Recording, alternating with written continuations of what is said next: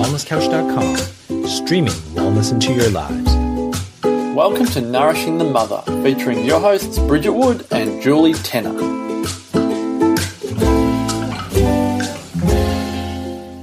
Hello and welcome to Nourishing the Mother. I'm Julie Tenner. And I'm Bridget Wood. And this week we're talking aligned parenting. And this concept has come about because we find that we're getting so many emails and questions in our tribe around certain tools and techniques that we talk about around parenting our kids and the choices that we make um, in order to kind of create a rich relationship with them and, and, sort of set the kind of boundaries that we want to set in a really loving and empowering way for them. To essentially give them the tools that we that we teach our tribe uh, to make them make our children empowered and aligned in themselves.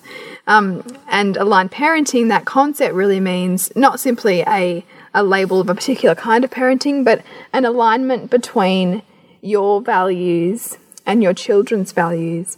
And you know having a level of consciousness around how the, the interplay between yourself and your child you know the, your, your, child's behavior is never outside of you. There's an enormous um, kind of interplay and unspoken kind of dichotomy between the two of you. And so when you can recognize that and have curiosity around that it can change reactive states in parenting to um, states of kind of intentional growth and um, equipping yourself with a toolkit, which is so much more empowering on the parenting journey and can really transform the relationships that you have with your kids. You know, when you see your kids as, as your teachers, mm. um, just as much as you are their teacher, uh, it, it's not, there's less, there's less room for burnout, I guess, in that motherhood journey. Would you agree?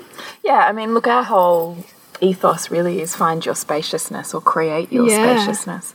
And what we mean by that is that internal sense of peace, I suppose. Or I don't like peace no, because like it seems one, one way, yeah. It?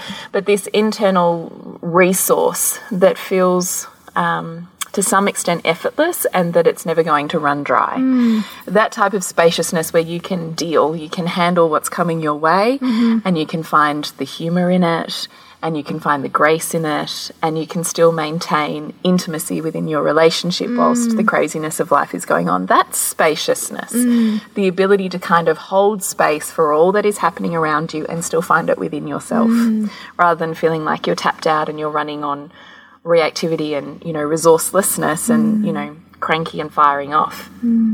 So, aligned parenting for us, I mean, we've titled it that because we're at, in the process at the moment of building our next online course to specifically speak to this because it's really utilizing our last decade or more, really, of parenting tools and tactics aligned with our personal growth and development mm. twists. So, if you've been listening for a while, you know that Bridget and I are both well versed in uh, aware parenting and attachment parenting. And um, what would you call the recent styles that you're doing with Sylvie? That's um that's resource for infant educators. That's kind of RIE is, is is what that's called, and so I think it's also recognizing a separateness and, and the development of consciousness in children as separate to our own, which I do, often don't think that attachment parenting necessarily recognizes yes. as well. Yes. Um, so it's it's quite a unique. Um, interplay between these things and also overlaying universal principles. So, I mean, this is even something that aware parenting doesn't do. Yes. You know, aware parenting doesn't recognize that, you know, over supporting the child at home is going to create a bullying situation in school. Yeah. You know, so, so our course is really seeking to recognize the broader universe at play, yeah. the role that you and your child play within that and the intimate dynamic that you hold as a family mm. and how to actually best verse that so that you're developing a child with a strong sense of self in mm. adulthood mm. because ultimately I think if you're listening to this that's that's what you want you're seeking a path of consciousness and you want that for your child yeah we don't want them to repattern the mistakes that we've made but we don't also from from Bridget and out my perspective we don't want to save our children from pain either mm. because we recognize that our pain is our growth yeah. as well so we just want a resource with a toolkit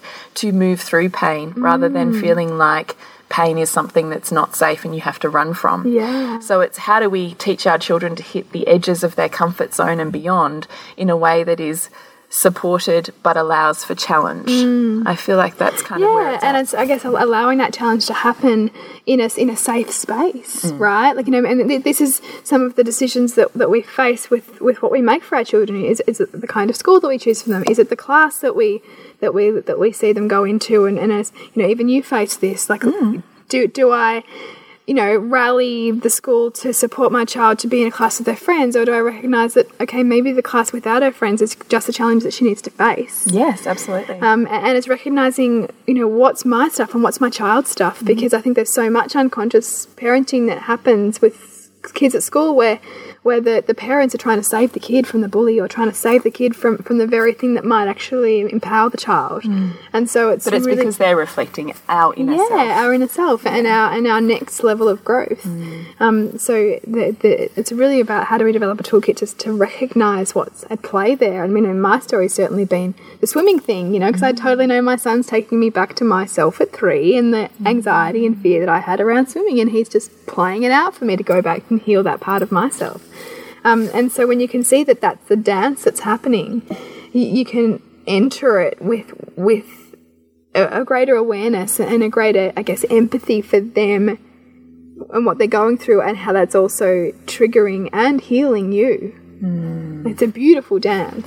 It's incredible, really, isn't it, when mm. you start to see that at play? Yeah, mm. yeah, And it takes triggers to a whole nother level because I think we can focus a lot on our buttons being pushed based on our wounding and we only see our wounding, mm. but we don't give kudos to our parents for how that wounding has served us. yeah, yeah. You know, absolutely. It's, this footnoting who we are now, and this often has the greatest benefit for people in Loathing to Loving and the conversations I'm constantly having with women in our members group. Because that's been my story too, is how do we, you know, rebuild and re-love our parents now as adults when we feel deeply wounded as children. And it really is. I mean, the language that we have around this, it's so often our, our animal, lower brained kind of self that, that sort of says, I don't want to make the same mistakes my parents did, or, or I want to give her what I didn't get, um, which which we all do. Like, and I hear myself saying this too. But the truth is, we got everything, but we're still attaching it to some kind of form that we think our, it should have been in, and it should have been our parents' job to give us that. Yes. Um, it's so interesting because each generation is the cutting edge of consciousness. Yeah, So we are the most advanced version of our parents. Mm. We are the most advanced version of consciousness and intelligence. but only if we have the value on parenting, right? Because some people, but not just in parenting, regardless just- of just that. in life, Just yes. in life, we are each generation is, and our children are the- are the same. Mm. They are far smarter and more conscious than we are because we have reached our edge, and they're just beyond it. Mm, So when we look at our our parents in this way, it well, when I look at my parents in this way, I'm really able to, to build a, a level of empathy for them because I can see that why am I sitting here as an adult waiting for them to affirm who I am or what I'm doing because they've taken me as far as they can. Yeah. It's not their job to continue that. Hmm. It's my job now to continue that to use my wings and, and go my way. and to look back on it and just say, you know, thank you. I recognize that my drive and mm. my, you know, love of learning and cooking or you know my my huge value on family and consciousness mm. comes from you. Mm. Not in spite of No. because of. And all of the shit that went down was perfect because it is literally what drives me to take my children to the next level mm. or myself to the next level. Mm. I am their cutting edge. They can't do it anymore for me. Mm. So why am I standing here waiting for them to do it? And it's you know it's their child inside that kind of is almost stamping its foot. It you know, and saying, Yeah, "But yeah. you should have done this," or "That that should have been that way." Yeah, but, but that is. but that is what holds us back. And I want to have absolute reverence because the emotions that we have with our parents that are wounding and mm. damaged, and the freedom and the love for what they, they gave us, even in that, mm. both are sacred. Neither one is more sacred than the other. But the difference is recognizing that right now you are an adult with a toolkit mm. on how to deal. Mm. You don't need to be the child that doesn't have a toolkit and reacted the way they did or handled life the way they did because they had no other choice. Mm. So it's how do we choose to step outside of our child self and enter into our adult self and say, you know, footnote our parents, you know, I really love what I do now because of you. Yeah, and I mean also recognizing that you will have those moments where you where you have that grace for your parents, and then you'll go into your next level of challenge with your parents because you know as we said. I think it was last week, you know, particularly for a woman and the charge she has on her mother, like it builds up like a nuclear reactor. Like as soon as you think that you've kind of got that complete love and grace, and the next challenge will come in because they are so deeply part of your story of who you are because they they were there or not there at such a formative time in your sense of identity. Totally. And our kids will be the same. Yeah. Even though we think we're killing it and, And, kicking and that is goals. also why you know you've really got to constantly question you know what's my attachment here to to this you know what what is my end game mm-hmm. because you know we it's never what happens to us it's how we perceive it so we can have all the greatest of intentions to be this connected aware like conscious parent but it's up to our child how they choose to take that. And the very thing that we might really have, have pride in or believe we're doing right might be the very thing that they perceive totally screws them up. Mm. And so that's where recognizing what your intentions are around your parenting and and and trying to remove the attachment that your child should therefore be xyz or as, as a result of that will will help to break the ego that you might have around parenting too because the parenting can almost be a competitive sport now. Like you know the fact that that even as a term wasn't around 40 or 50 years ago it was just you know you just had kids and whatever.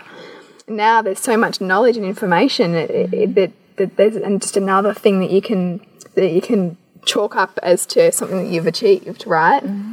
But there's so much more at play. And you know our kids you're never going to be the perfect parent because you'll be the perfect parent for your child in the sense that you will provide for them everything they need, good, bad, and ugly. yeah, and, and, and that is what we all need to grow. I mean, the, the reality is everything that you most disown at the point of conception, that you and your partner most think is wrong, bad, ugly, not okay, you have genetically created in your child to help you learn to love that. So perfect. you know so so they're never not going to piss you off right? Like they're, they're meant to. Like they're meant to. And a toolkit is what you use to help understand that and work with them to grow together. Because this is the thing they it's 50-50 you're teaching them and they're teaching you.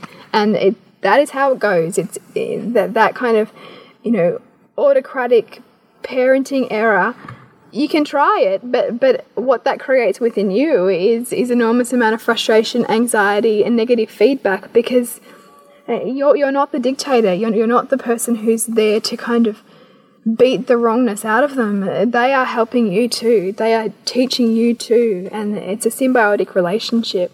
And the tools that you use to to to, to work through that are, are the tools that give that relationship life and warmth and growth and transcendence mm. Really true. And the other point is that we, in this style of parenting, have a lot of reverence for the challenge and the darker emotions. So we talk a lot mm. about how to hold space for ourselves in all of those disowned, uglier emotions. Mm. And therefore, when we're able to do that for ourselves, how we can then do that for our children so that we make all parts of them right rather than just the parts Yeah. that, that, you know, might be social line. it might be socially acceptable. Yeah. you know and your children will be just giving you hints for the things that you need to work on. Like you know one thing that i'm still really trying to get ownership of is, is how to healthfully express or feel and express anger. And so my son's a genius because he'll make, he'll go mom do that anger game with me. And like he actually does things and tries to tease out of me ways to get angry in a playful way because he can sense that that's what I need. Like it's genius, it's amazing. And so they are kind of taking us to that edge of our own comfort zone so that we can equip ourselves just as much as we can help equip them. It's this perfect genius, isn't it? Yeah. Okay, so now we've kind of delved into the philosophy of what it is. Where do you mm. want to go from here?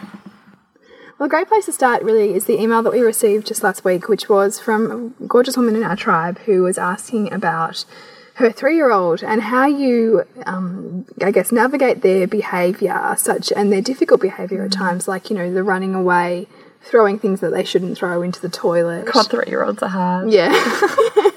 they really are. They really are. We've just, Hugo's nearly four, and like, oh my god, like, it's just fantastic. Yeah, I reckon there's something that happens at four and they just kind of flick an He's angelic just switch, divine, don't they? honestly. Yeah.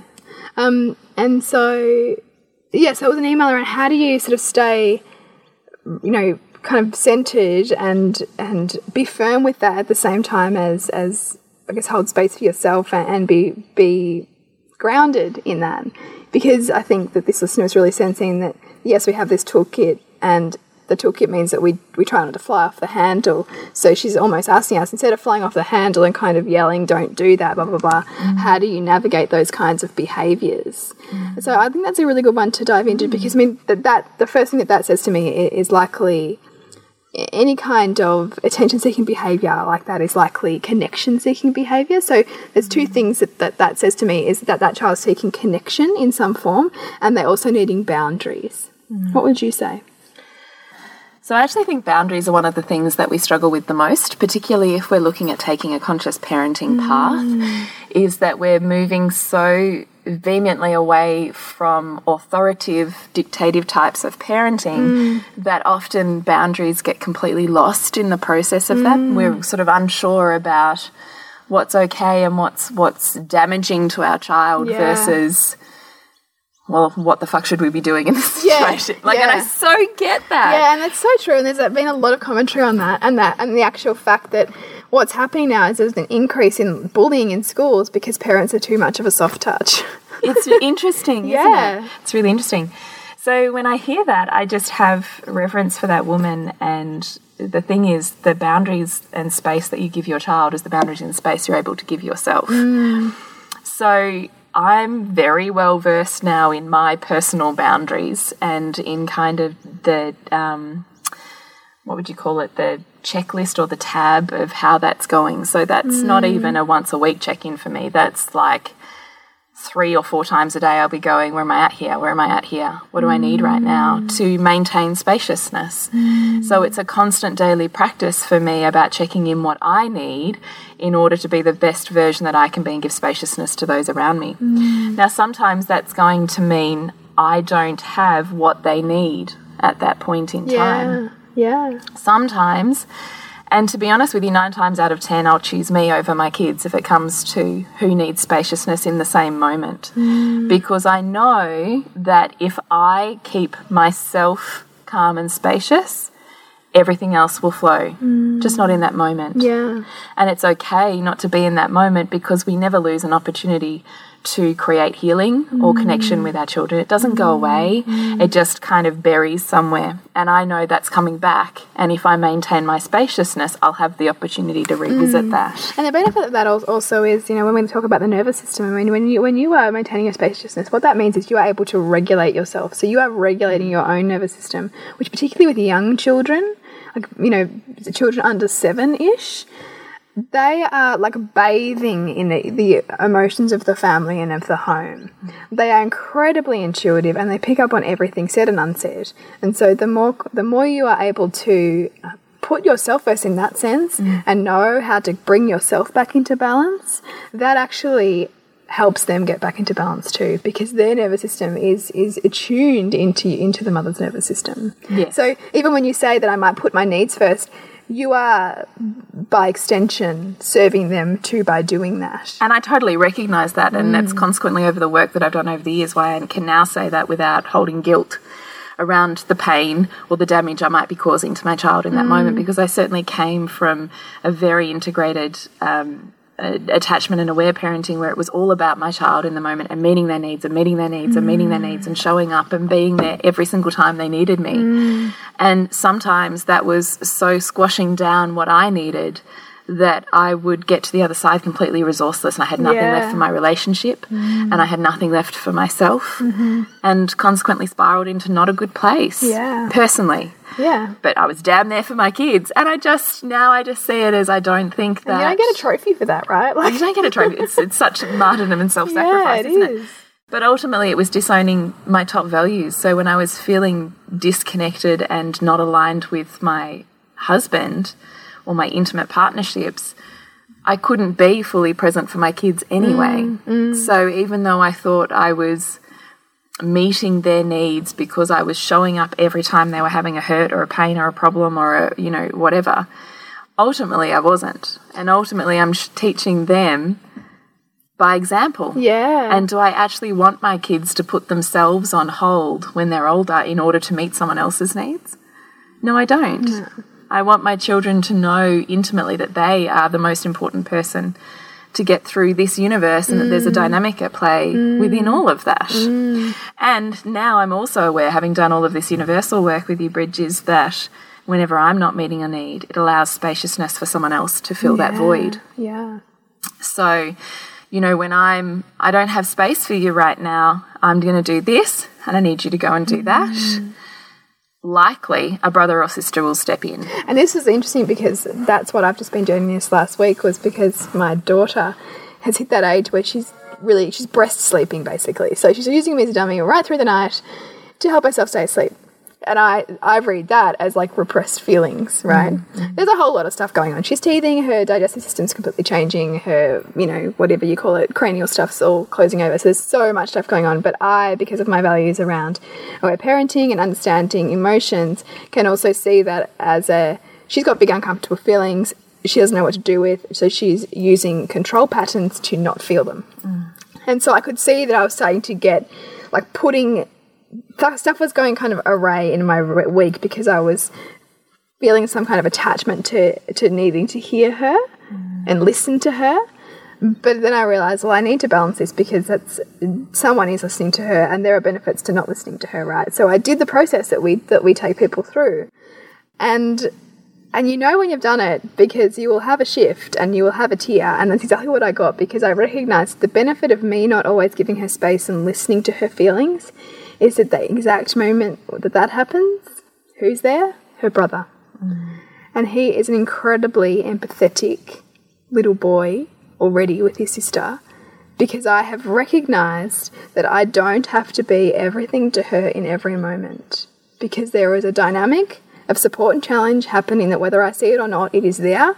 And I need to trust that so that she can be who she needs to be, I can be who I need to be, and each person of the family gets to express their most authentic selves. And we don't express our most authentic selves and we are subordinating to certain kinds of ideas of how we think we need to be as a parent. Mm. And that's and that is really what we want to equip mothers with the toolkit to see through this course, you know, because there's so much stuff out there around the right way to parent, the wrong way to parent, the right way to listen to your child, the wrong way to listen to your child, the right way to talk to them, mm. you know, the words to use, the words not to use. But never is there the, the deeply held consideration for what is the unsaid, what is the unseen, what is the broader dynamic. Because you are never going to have a peaceful family. Like, family is there for growth, which means that if the husband and wife are fighting, the kids are peaceful. If the kids are peaceful, the husband and, sorry, if the kids are fighting, the husband and wife are peaceful. That is what's needed for the growth of the whole unit together. Mm. And when you can, you know, when you can see that happening, you can see the perfection of the whole and you're not attaching to some kind of way it needs to be. Mm. You're just helping everybody be more of themselves through that process. So that's really what we want to kind of dive into with this, isn't it? So when this um, beautiful listener is, is saying her three-year-old's tantruming and doing, um, you know, some button pushing things, mm. how does she hold space for him and still hold space for herself. That's essentially the yeah, email, yeah, yeah, it is. So and I know I got off on a tangent there, but, that no, is no, the email. Yeah, good. tangents are good. So bringing it back to boundaries, I think it's really important, and it's I, I really did learn this in aware parenting was you know through the many facilitators that I worked with in that time was how differently they all set their own boundaries and I found it really mm. fascinating and to be honest with you I tried on lots of different styles because I witnessed them with their kids and then was able to to have a go at that. So using a really firm voice is fine. Tone, tone is you know, women tune into tone, but so do children. Mm. So it's mm. not often what you say; it's the tone with which you say it. And particularly for men, tone is a, is a really interesting toolkit in a in a relationship. And it's really interesting to witness your own with your kids. So if my kids are doing something I don't like, my tone will change it becomes very firm. So you might say it moves from mum tone to teacher tone. Yeah. Let's say. Yeah. So they know instantly they've picked up on that. And so it's their ears will prick up to that tone has changed and therefore the seriousness with which I need to pay attention or listen has changed instantly. It's an energetic exchange mm. almost. So I will change my tone. I'll be very firm that I don't like what you're doing right now because. And I'll explain why. What impact does it have? How does it affect those around them? If I just say, no, stop that, Mm. it means nothing. Mm. But if I'm willing to say, I don't like what you're doing because you could hurt so and so, and it's not okay to use our bodies to hurt someone, or you see these fragile things around here in this shop. If you do that, you will hit one of those and they will break. Mm. Because if they don't have a cause and effect understanding, they don't understand why you're angry because you've already jumped ahead to the consequence because you can see what could happen. Mm-hmm. They've missed the educational steps in between. So it's okay to say that then often I would give my kids a choice at the end of that. So right now you have a choice to do this or do that. And I give them two choices to stop what you're doing and come and sit down, or to go over here and play, or to whatever. Mm. I give them two choices at that point in time. And they might go, No, I don't want to. Well, they are your choices. Which choice do you want to make?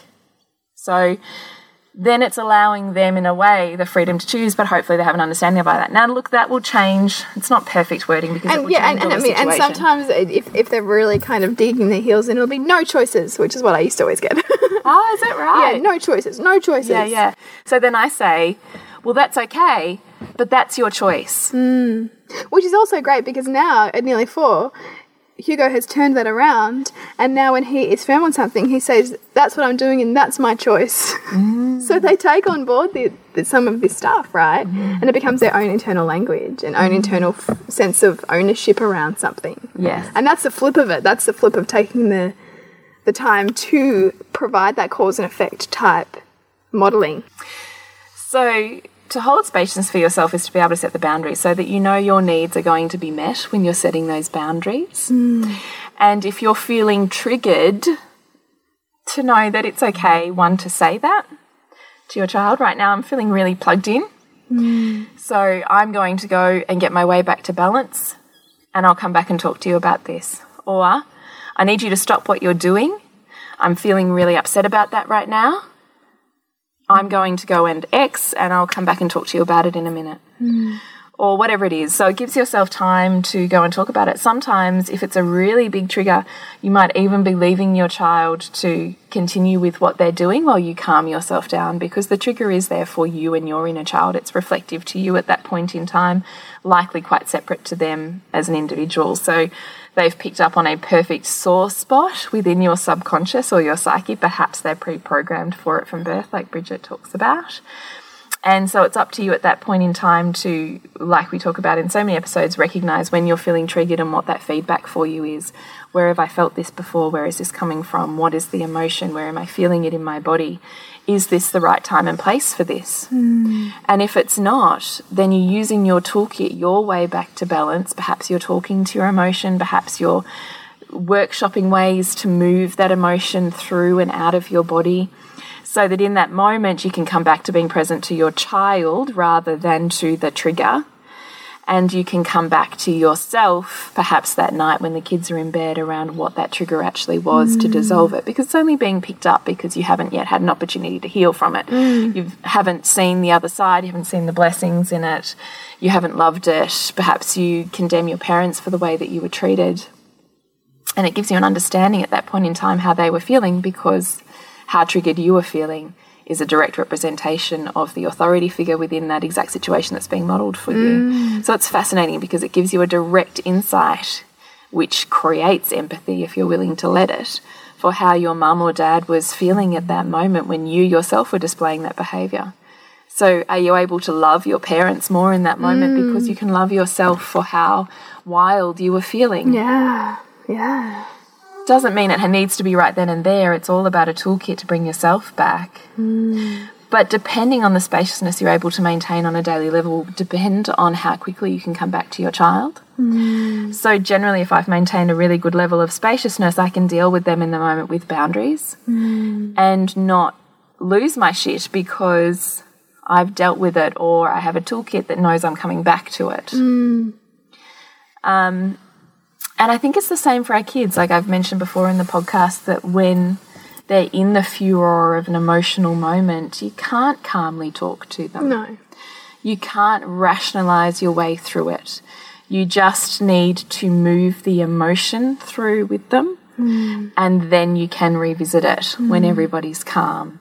Trying to enter the eye of the storm with a rational you know, toolkit is to some extent counterproductive. And it sometimes even makes children feel more out of control because often you know, we really have to pay pay homage and understanding to the nature of brain development as well, and the fact that we so easily project our our ability to rationally think and compute things quickly to a child's capacity, which you know, they don't their, their, frontal cortex is not developed until they're in the early twenties. So all of the things that we use an executive centre for, they often don't simply have the capacity to do it quite the way that we do it and quite at the speed that we do it. So it's also putting yourself in that position to understand what you're dealing with at a brain level as well um, can help you recognize that you need to change your language, slow it down, recognize that when you ask them things like, why did you do that, they might not, particularly with like somebody under three or four, won't be able to tell me why they did it. so often it is simply just a, a reactive thing that, it, that is a very hind brain activity that they don't know how to articulate yet and the modeling comes from us. The, the, the, transforming of that comes from how we work through the emotion with them, how we show them appropriate behaviors. Mm, yeah, definitely.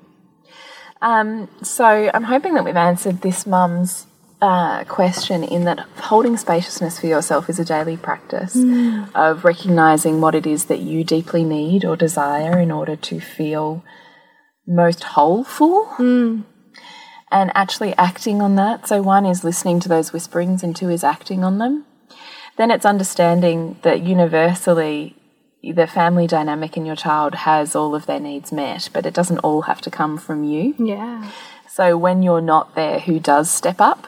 What role, what person, what situation? And it may not be in that moment, but there will be an added extra support from someone else within their life over the course of that period of time that you perceive you're not able to provide for them. And in fact, by stepping away, you allow someone to actually mm, enter that mm, space. Yeah. So it's a really interesting interplay, even that itself. And then setting boundaries. So having boundaries for ourselves around what we will and won't allow our um, resources or resourcelessness to get to mm. is the same for our kids so that we can actually have the spaciousness to be around them and boundaries that allow them to empathetically tune in to those around them to understand the effects that what they do and have in their space, the effect that has on those around them. Mm. Because just being in your own world, um, I, well, I just think empathy is a skill that is learnt. I don't think that it's necessarily innate. Mm.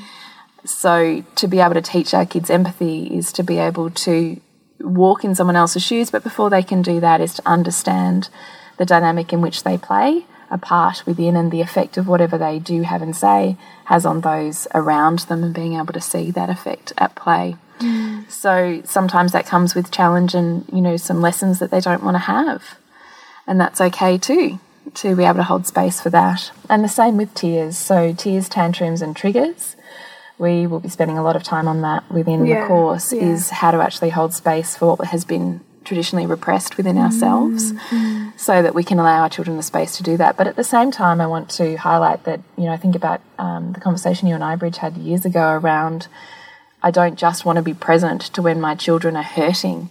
I want to be present to when they're inspired. Because mm, yeah. it's easy to ignore our kids when they're happy and content. Yeah. And only provide them with moments of connection when they're in tears and tantrums mm. and behavior, behavior seeking behavior. That makes no attention sense. seeking Thank behavior. you. Pregnant Brady's kicking in already. Yeah, yeah. If we only provide them with that, then they also start to develop a psychology around. Um, they need to be worse off in order in order to be to heard. Get, to get our connection. Yes, and yeah. I see that a lot. Then I've talked about this in you know dynamics of adults, particularly in birthing women, of you know needing to be worse off than what they are because so they over exacerbate the, the pain or the discomfort they're in because they need to be heard seen and held and mm. it's the only route they know to connection yeah so you know if, if your parents only really paid attention to you when you were sick or only really gave you cuddles when you were hurt, hurt. then you're going to want to be sick and hurt. Mm. Even if you think consciously you don't want to be, unconsciously, if you are feeling disconnected and unsupported, you will be creating and manifesting situations in which you can be sick, hurt, or in pain mm. in order to receive the connection you can't consciously give. Mm. So it's how do we be connected and allow growth for our children and growth for ourselves, that's spaciousness, mm. that's boundaries, and that's recognizing that you are not everything your child has or will be. Yeah. That it is absolutely a dynamic at play, and in fact, you stepping back often allows others to step up. Mm. And what are the benefits of that? Mm. You might have issues with the people that step up, but they are different to you. Yeah, and, and that's that, that's that hard thing. You know, what if your child, you know, really likes some a, a, a, kid or likes an activity or something that really challenges you you know where do you draw the line? And, and recognize okay well this is some stuff for me to own not necessarily where i have to go in and change something that my child's doing. Yeah. It's really fascinating really, yeah, stuff so we hope we've just, um, I mean, it's a bit more of a philosophical conversation, I suppose, this time. It's less less practical, but having said that, I hope that you can start to find your toolkit for spaciousness. Yeah. We do have many other podcasts on triggers and how to actually deal with those, particularly in the earlier podcasts. So mm. go back to mm. those if you're really looking for a toolkit personally on how to deal with your own triggers of, you know, anger and emotion that might be being those buttons being pushed by your kids at the moment. Mm -hmm. um, know that they are intimately designed to, you know, piss you off at many different points in their life. Yeah. Because it's just another point of growth mm, for you. Mm. And when you can see that dynamic, you can heal yourself and then you can help them move through it. Mm. And, um, you know, that's pretty profound stuff. It sure is. So thanks for listening again today. We really appreciate your time and your consciousness with which you bring when we know that you take this stuff into your world. And uh, our Loathing to Loving program, which has just started this week, it has, really exciting. Yes, yes, we have squeezed one or two more extra people in just recently, so we can squeeze you in too if, if you want to Yeah, we decided to leave it open just this week in case you were going through this first week and thinking, no, I'm really ready to yeah. make this move.